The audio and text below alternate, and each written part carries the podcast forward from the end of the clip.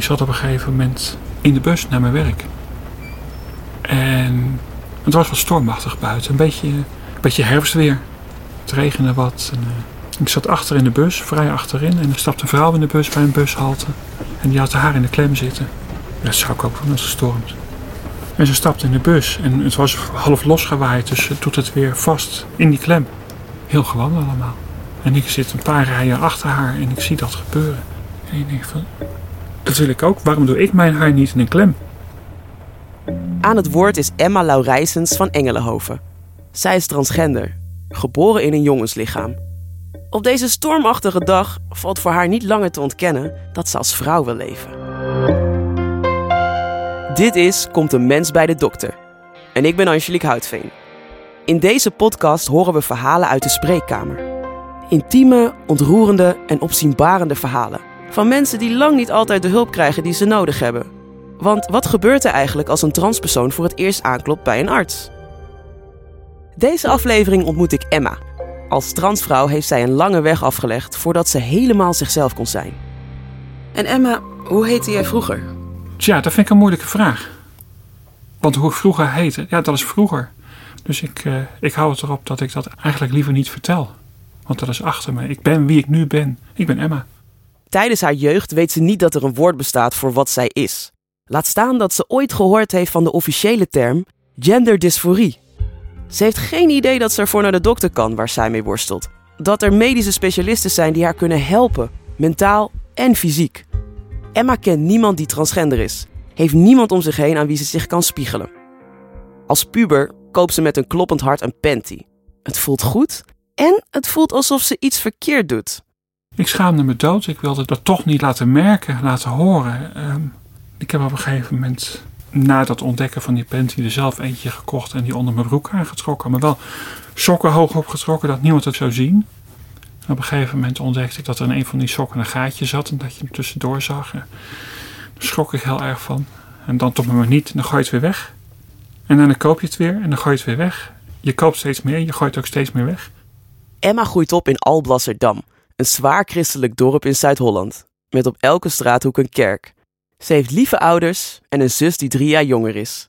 Het gezin komt van buiten, uit Rotterdam, en is zelf niet streng christelijk. Wie ben ik? Bij wie hoor ik? Emma heeft haar hele jeugd gezocht en getwijfeld. Ik zat in Dordrecht op school en in Papendrecht zat een grote bibliotheek, veel groter dan bij ons. En daar stond zo'n foldermolentje met uh, voorlichtingsmateriaal postbus 51. En er stond een volletje tussen voor jongens die van jongens houden. En ik van, nou, misschien is dat wel iets voor mij. Maar dat stond tegenover de uitleenbalie. En ook Papendrecht is een uh, nogal christelijk dorp. En er zaten allemaal van die dames uh, met grijs haar en een knotje.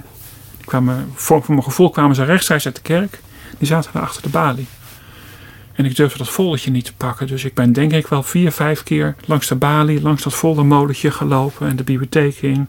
In een boek gesnuffeld, weer naar buiten toe. Toch maar weer terug, totdat ik uiteindelijk dat volletje durfde te pakken. Stel je voor dat ze het zouden zien. Dus ik heb dat foldertje gepakt, gauw in mijn tas gestopt, naar huis gefietst. En dat was zo'n foldertje dat ging over veilige seks. En ik kon me daar helemaal niet in verplaatsen. Ik kon me helemaal niet voorstellen dat ik dat ooit zou doen. Seks hebben met een jongen als jongen. Het foldertje verdwijnt in de prullenbak. Het gaat niet over haar. De verwarring blijft. Emma deelt haar problemen met niemand. Haar ouders hebben geen idee. En ze zoekt geen professionele hulp. Tijdens haar jeugd heeft ze niet één keer bij de huisarts gezeten. Of een andere zorgprofessional bezocht om over haar worsteling te praten. Ze weet niet hoe ze hulp moet vragen voor iets wat ze nauwelijks kan benoemen. Had jij voor die tijd wel eens geprobeerd met of man of vrouwen te zoenen of experimenteren? Niet geprobeerd. Er was ook gewoon niemand in mijn buurt. Ik was nog nooit bij iemand dicht in de buurt gekomen om dat überhaupt te doen. En dat verbaasde me vreselijk. Het frustreerde me ook wel, van waarom nou niet? Iedereen om me heen kreeg relaties en, en probeerde wel eens wat en ik had helemaal niks. En dat vond ik raar. Hoe zit dat dan? Er was een andere verwarring en die ging over mezelf. Wat ben ik nou eigenlijk zelf? Want ik had eigenlijk niet het idee dat ik bij de jongens hoorde. Maar dat ik dan misschien een meisje was, dat kwam niet in me op. Op school hoort ze nergens bij. Ze wordt niet gepest en heeft wel een vriendengroepje, maar ze voelt zich altijd alleen. Anders. Als ze wordt uitgenodigd om lid te worden van de Nederlandse Jeugdbond voor Geschiedenis, zegt ze meteen ja. Niet dat geschiedenis haar zo boeit, maar misschien vindt ze hier aansluiting. Bij de Jeugdbond wordt ze voor het eerst verliefd. Op een meisje. Dat was wel geruststellend. Het stelde me gerust. Van oké, dan is alles gewoon normaal eigenlijk. Ik heb toen ook wat ik aan niet-mannenkleding verzameld had, heb ik weggegooid. Zo van, dat heb ik niet meer nodig nu. Dat kan weg. Het hoeft niet meer. Een korte periode kan ze zichzelf wijsmaken dat ze een hetero jongen is. Met een hetero vriendin. Dat er met haar niets aan de hand is. Emma woont nog altijd in Alblasserdam. En haar vriendinnetje in Maastricht. 175 kilometer scheiden hen. Een romantische liefde op afstand. Op een gegeven moment ging het zover dat ik smiddags met de post een brief kreeg van haar. En ik schreef diezelfde middag heel gauw een brief terug. En dan stapte ik op de bus naar Rotterdam Centraal, want daar zat het hoofdpostkantoor. En daar werd de post nog uh, om tien uur s avonds meegenomen. En dan ging ik dan naar huis toe. En dan had zij weer de volgende dag een brief terug. Dat was wel een hele bijzondere tijd. Emma heeft goede hoop dat de verwarring achter haar ligt. Haar zoektocht is ten einde gekomen, vertelt ze zichzelf. Ze valt niet op jongens, maar op meisjes. En daarmee heeft ze het antwoord gevonden op de vraag wie ze is. Tot ze samen met haar vriendin carnaval gaat vieren in Maastricht. Na een weekend feesten is het tijd om afscheid te nemen. Ik was in Maastricht en ik moest naar huis toe. En het begon te sneeuwen. En het werd koud. Ik had niet echt hele dikke winterkleren bij me. En het werd steeds kouder, het begon hard te sneeuwen. En op een gegeven moment kreeg ik de tip van, joh, doe een maillot onder je broek aan, want het is hartstikke koud. Dus we stonden bij de bushalte en ik met die maillot onder mijn broek. En het voelde goed, maar het hoorde niet. Sowieso stonden er bij de bushalte allerlei mensen te verkleumen in hun carnavalskleren. Dus ik was blij dat ik dat gedaan had. Want het was, het was ook lekker warm, die maillot onder mijn broek. Maar het was om, om, om meer redenen prettig. Dus ik had net, toen we elkaar leerden kennen, alles weggegooid. En toen dat weer. Dat moment, heb je dat met haar besproken? Dat jij voelde, je had een maillot aan, iets voelde anders? Ik heb dat niet op die manier besproken. Maar de smoes van, dat is lekker warm onder je broek. Dat is altijd wel een smoes gebleven. Ik heb dat dus eigenlijk heel lang volgehouden. Ja, tot het zomer werd, had ik een probleem. Toen ging die smoes niet meer op. De relatie is uiteindelijk na, na een jaar of vijf, zes stuk gegaan. Gewoon omdat we allebei een andere kant op groeiden. Toen het uitging, ik was toen ja, 26 bijna. Toen had ik zoiets van, nu moet ik echt wel, wel op zoek naar hoe dat nou precies zit met mij en, en met het anders zijn. En toen kwam ik er inderdaad wel langzaam achter dat het helemaal niet in de seksualiteit zat, maar dat het in mijn gevoel van gender zat. Ik deed heel erg mijn best om een jongen te zijn, om een man te zijn, maar dat lag me helemaal niet. Dat ging niet goed. Ik had nog steeds niet heel veel voorbeelden. Wat ik toen aan voorbeelden had, dat waren travestieten, uh, drag queens, dat soort dingen. Alles wat met show te maken had. Daarvan wist ik, dat ben ik niet. Zo zit dat niet. Dat hoort niet bij mij. Dus dat maakte het wel lastiger, dat beeld. Dat waren de enige beelden nog steeds die er waren. Het woord transgender bestaat nog niet. Transseksueel. Maar dat klinkt zo zwaar, vindt Emma. Die term duwt ze van zich af. Ze ontdekt postorderbedrijven. Nu kan ze ongezien vrouwenkleding uit de catalogus bestellen. Ik durfde niet aan te vinken van meneer, dus ik vinkte aan mevrouw Laurijsens. En dan kreeg je dingen opgestuurd aan mevrouw Laurijsens en dat voelde heel goed. Als de geschiedenisvereniging het jaarlijkse themafeest organiseert, besluit ze om zich samen met haar vriendengroepje te verkleden als de Adams Family. Geen van de jongens wil Morticia spelen, de vrouwelijke rol. Emma grijpt haar kans. En toen zei ik meteen, oh doe ik wel. Ja hoor. Dus dat ben ik gaan doen. En ik kreeg zoveel positieve reacties eigenlijk. Dat ik dat durfde. En ik had zoiets van, ja maar dat was toch gewoon. Ik vond het wel heel fijn dat mensen zo reageerden. Dus dat gaf me wel een zetje om, om verder te gaan. Om daarna ook met wat ik gekocht had en inmiddels en verzameld had. Om, daar een beetje, in ieder geval binnen die groep mensen, me, me meer te laten zien.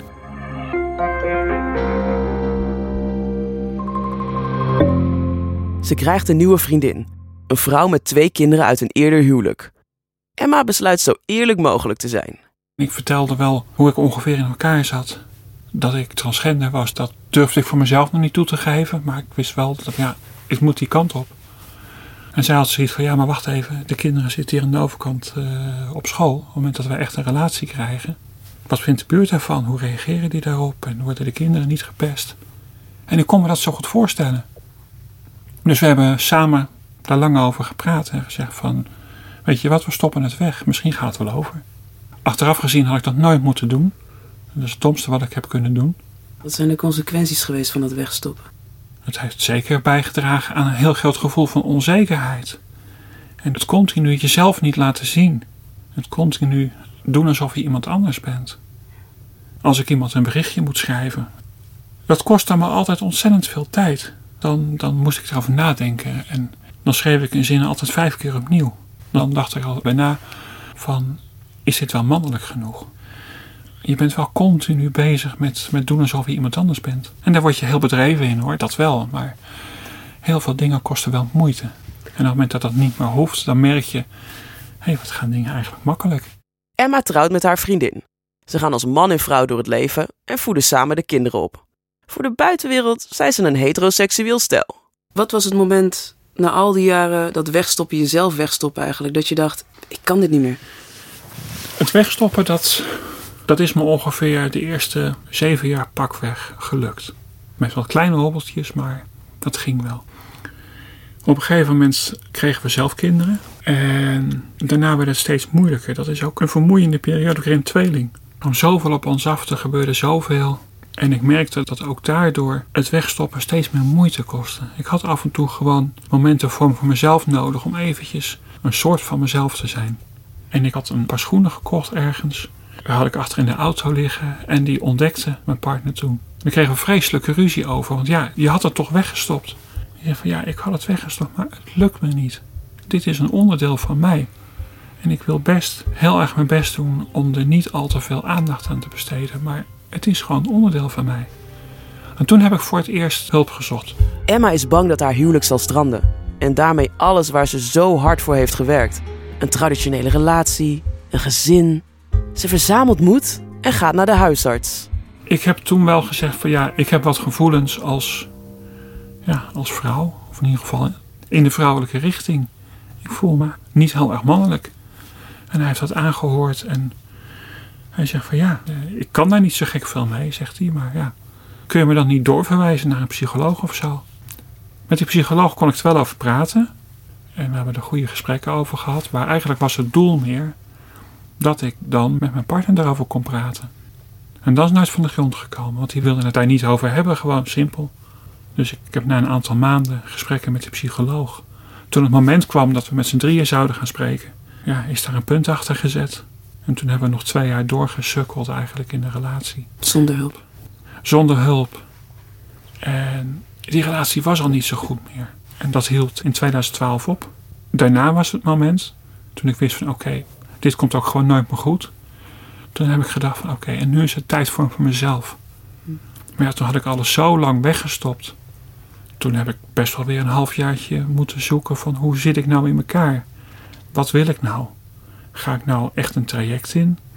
Uh, ben ik nou 100% vrouw of 50% of 20%? Ik bedoel, dat bestaat allemaal. Hè? En deed je dat met hulp, dat zoeken?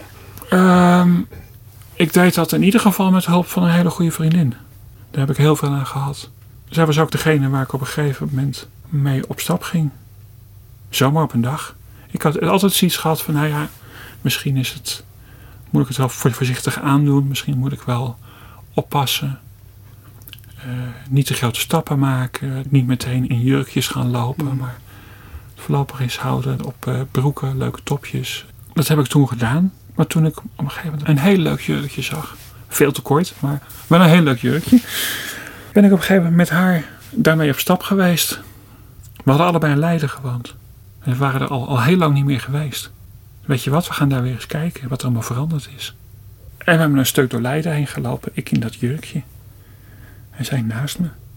Ik had me eigenlijk voorgesteld dat ik me daar heel erg ongemakkelijk bij zou voelen. Ik had het wel het gevoel dat ik af en toe aangekeken werd. Maar zij was daarop aan het letten. Hoeveel mensen zien dat nou eigenlijk? En ze zegt van ja, eigenlijk werd je helemaal niet zo nagekeken. Dat viel ontzettend mee. En dat was voor mij een moment van ja, je moet eigenlijk gewoon toegeven. Het zit bij mij niet half-half. Dit is wie ik ben. Deze positieve ervaring motiveert Emma steeds een stapje verder te gaan. Ik was op mijn werk ook al aan het veranderen. Ik was steeds minder mannelijk naar mijn werk aan het gaan. Dus daar heb ik het als eerste verteld. Ik voel me nu anders. En dat was ook weer een zetje om, om, om echt hulp te gaan zoeken. Want meestal gaan mensen eerst hulp zoeken en dan pas zo langzamerhand de omgeving inlichten. En ik had dus de rare situatie dat ik op mijn werk was ik al mezelf, was ik al Emma. En toen moest ik nog echt hulp gaan zoeken. En toen moest ik ook wel, toen kon ik ook niet anders meer. Want opeens was die zekerheid er wel op werk. Die zekerheid was er. Het was ook niet zo dat ik niet terug durfde, maar ik hoefde niet meer terug. Dus ja, de enige weg was vooruit. En ik ben op internet gaan zoeken. Het eerste wat ik eigenlijk zo'n beetje tegenkwam was een internetforum voor transgenders. En daar ben ik lid geworden. En daar kwam ik binnen. En er was alle informatie zo van oké, je kunt daar naartoe, je kunt zus. En moet je je aanmelden in, in Amsterdam bij het genderteam. En daar waren allerlei mensen die me begrepen en, en ik begreep hen. En ja, dat, dat was wel een openbaring. Dat was eigenlijk de allereerste hulp die ik had. Emma is dan halverwege de 40. Ze wil definitief als vrouw door het leven. Ze zoekt professionele hulp en vertelt haar verhaal. Eerst opnieuw aan de huisarts, waar ze een doorverwijzing krijgt voor het genderteam in het VU ziekenhuis in Amsterdam. Dan aan een nieuwe psycholoog. En daarna aan een genderpsycholoog. Het is begrijpelijk dat specialisten zorgvuldig zijn. Zeker willen weten of de patiënt sterk genoeg in haar schoenen staat. Of Emma mentaal opgewassen is tegen wat daar te wachten staat. Of er twijfels zijn. Want hormoonbehandelingen hebben een blijvend effect. En na een geslachtsveranderende operatie is er geen weg meer terug. Maar Emma heeft in haar hoofd die stappen al gezet. En nu ze eindelijk zover is, moet ze de medische wereld zien te overtuigen. Ik wist wie ik was. Het was niet zo dat ik de psycholoog nodig had om mij te vertellen wie ik was. Want ik wist wie ik was. En het bleek dus dat, dat hij ook wel kon doorverwijzen naar een extra gesprek met een psychiater. En daarna naar, in ieder geval naar een arts die uh, hormonen kon voorschrijven. En dat betekende weer dat de kans op kaal worden en, zo, dat dat voorbij zou zijn. Dat was eigenlijk waar ik op dat moment uh, heel erg naar uitkeek. Wat ik heel erg belangrijk vond.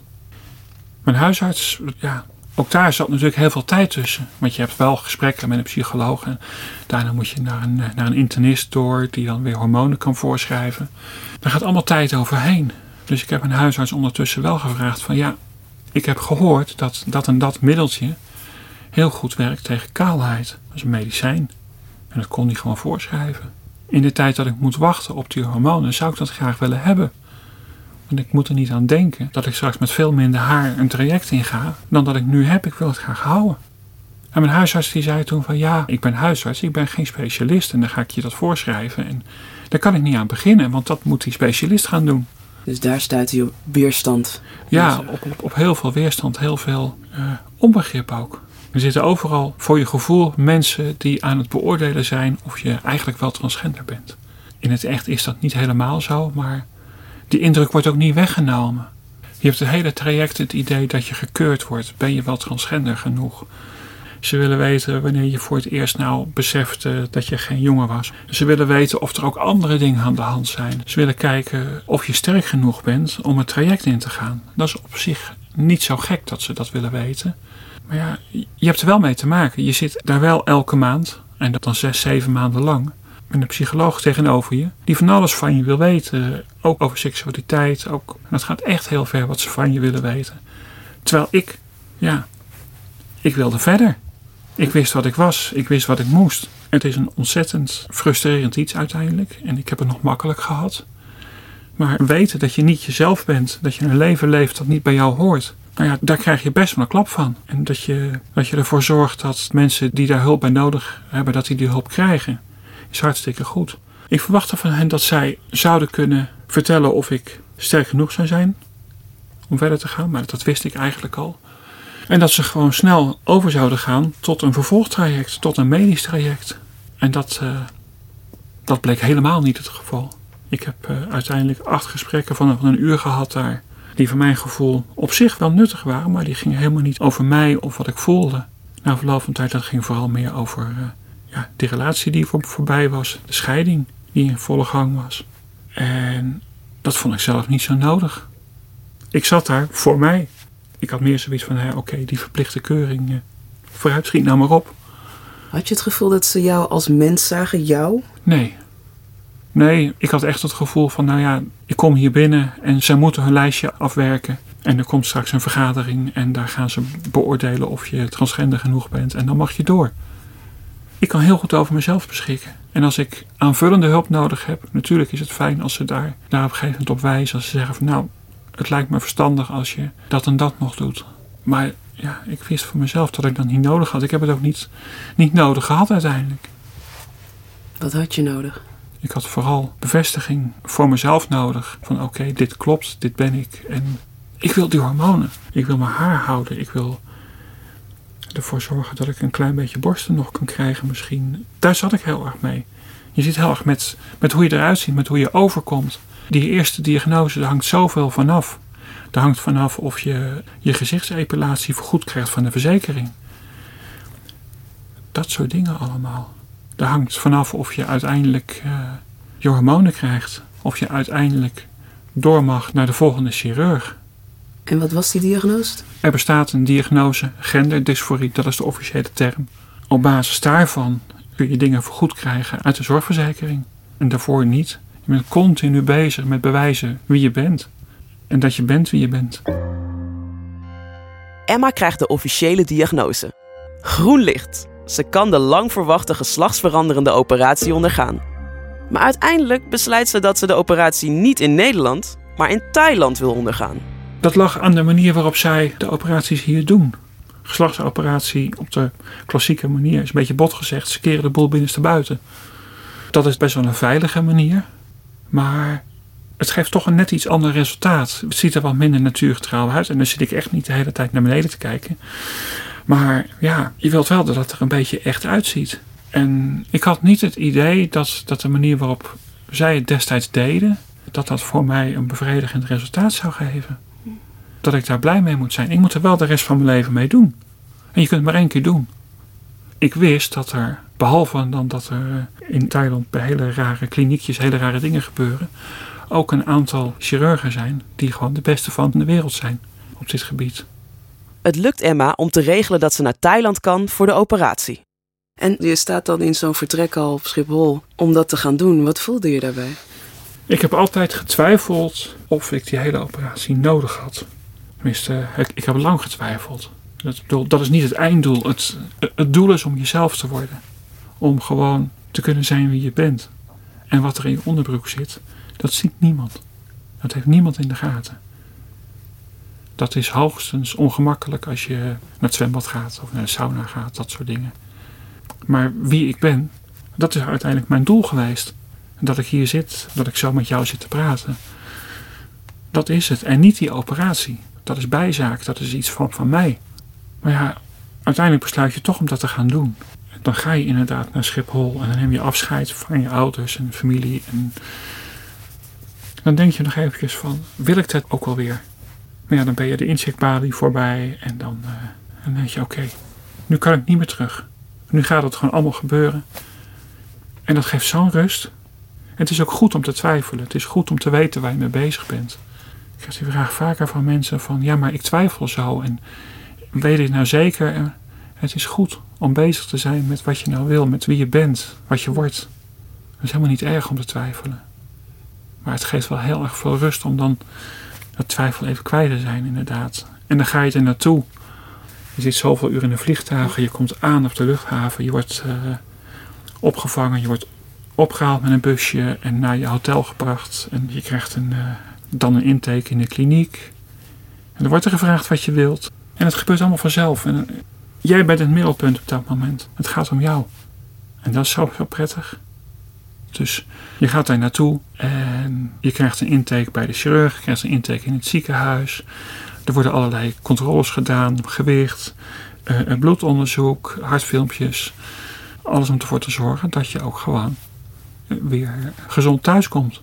Zoals het hoort, zoals het in een normaal ziekenhuis gebeurt. Eigenlijk kom je in een ziekenhuis terecht dat, dat nog iets beter uitgerust is. Wat moderner is dan wat je hier hebt. En hoe voelde voor jou dat verschil tussen uh, nou, Nederland en het hele traject en daar ontvangen worden in Thailand? Dat is een wereld van het verschil. Het gaat om jou. En daar wordt wel gevraagd, wat wil je? Er wordt gevraagd van wat je nou belangrijk vindt. Vind je meer diepte belangrijk? Eh, Wil je heel graag seksueel actief worden? Dan is dat een punt natuurlijk. Of mo- moet het er heel mooi uitzien? Of, ja, weet je, ik zit ook niet te wachten op een eh designervagina. Maar het zijn wel vragen die je gesteld krijgt daar. En dat speelt hier helemaal niet mee. Je mag blij zijn dat je de operatie krijgt. Je hebt de operatie gehad en dan word je wakker. Hoe was dat? Dan, dan word je wakker als uit elke andere operatie. Je zit half onder de morfine. Het is. Mensen hebben er altijd zo'n ontzettend romantisch beeld bij. Van oké, dan word je wakker. En dit is het dan. Nou ja, er zijn mensen die dat inderdaad hebben. Hè? Ik bedoel, die wil ik echt niet tekort doen. En, en ze alle geluk van de wereld wensen dat zij dat gehad hebben. Maar heel veel mensen hebben dat niet. Je wordt groggy wakker uit zo'n operatie. En het enige wat ik me kan herinneren van die eerste paar dagen is dat ik gewoon half sliep en dan weer wakker was.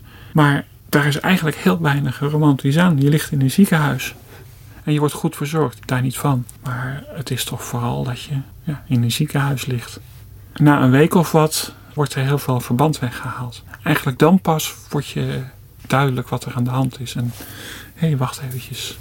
Er is echt wat gebeurd. En wat voelde je toen? Ja, wat dat, zag je en wat voelde je? dat is wel een mooi moment. Dat er opeens eh, verband weggehaald wordt uit plekken waarvan je niet wist dat je ze had. Want die had je ook nooit. Dat is heel fijn. Dat is heel fijn. Was Ja. dat ook het moment dat je voelde van, nou, nu ben ik echt Emma? Nee, want dat was ik al. Ik was al echt Emma. En die operatie heeft daar voor mij niks aan veranderd. Amsterdam en Groningen zijn de enige plekken in Nederland waar transgenders voor een complete transitie terecht kunnen. Tot ergernis van patiënten en de zorgprofessionals zelf loopt de wachttijd steeds verder op. Toen Emma in Amsterdam aanklopte, moest ze bijna een jaar wachten. Inmiddels duurt het anderhalf jaar of langer voordat het eerste intakegesprek plaatsvindt. Een groot contrast met het ziekenhuis in Thailand, waar ze op de website gewoon een geschikte datum kon kiezen. Emma heeft na al die jaren nog steeds dezelfde huisarts. Ze kan het goed met hem vinden en ze merkt dat hij begrip heeft voor wie ze is. Zo heeft hij Emma al een paar keer doorverwezen naar een gynaecoloog. Toch zal Emma het liefst nooit meer een spreekkamer van binnen zien. Ze wil geen medisch geval zijn en niet langer hoeven te bewijzen wie ze is. Maar ze ontkomt er niet aan. Je moet continu weer briefjes krijgen om dingen vergoed te krijgen. Ik heb de ik nog steeds niet afge... Ik heb me vanochtend nog steeds gaan scheren. En dan kun je weer verder. Dan kun je vervolgstappen nemen. Dan kun je inderdaad beginnen met baardepilatie. Je kunt na een jaar, als je een best wel grote ademsappel hebt, kun je die, eh, die kleiner laten maken.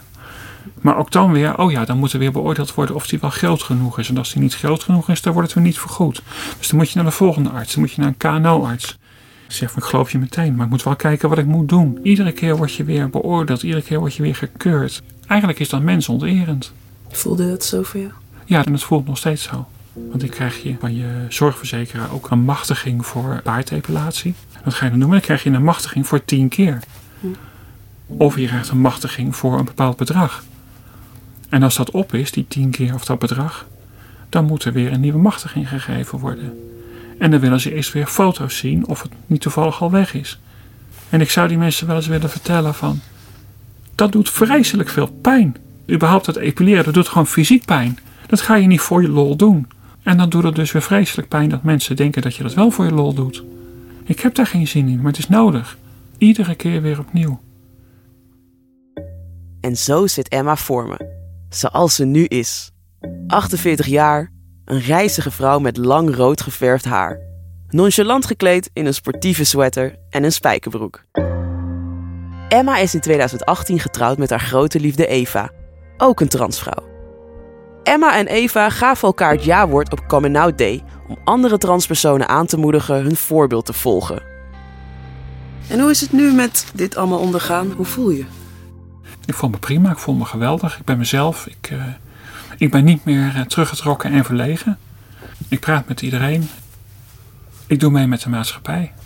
Vroeger stond ik daar altijd een beetje buiten. Ik ben wel een laadbloeier. Dus alles wat ik vroeger niet durfde, dat durf ik nu wel. Ik ben eh, sinds een paar jaar ook wat meer politiek actief geworden. Ik doe zelfs mee met de Europese verkiezingen. Dat had ik van mezelf nooit verwacht.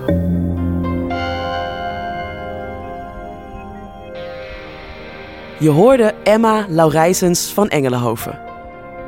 Meer weten over deze podcast? Kijk dan op komttemensbijdedokter.nl. Je vindt hier uitgebreide informatie over hoe je de zorg krijgt die je nodig hebt. Door schaamte, onwetendheid en verkeerde aannames krijgen veel mensen die zorg nog niet. Samen kunnen we daar iets aan doen. Laat zien wie je bent, zodat je de zorg krijgt die bij jou past. Deze podcast is een initiatief van de Alliantie Gezondheidszorg op Maat. Mijn naam is Angelique Houtveen.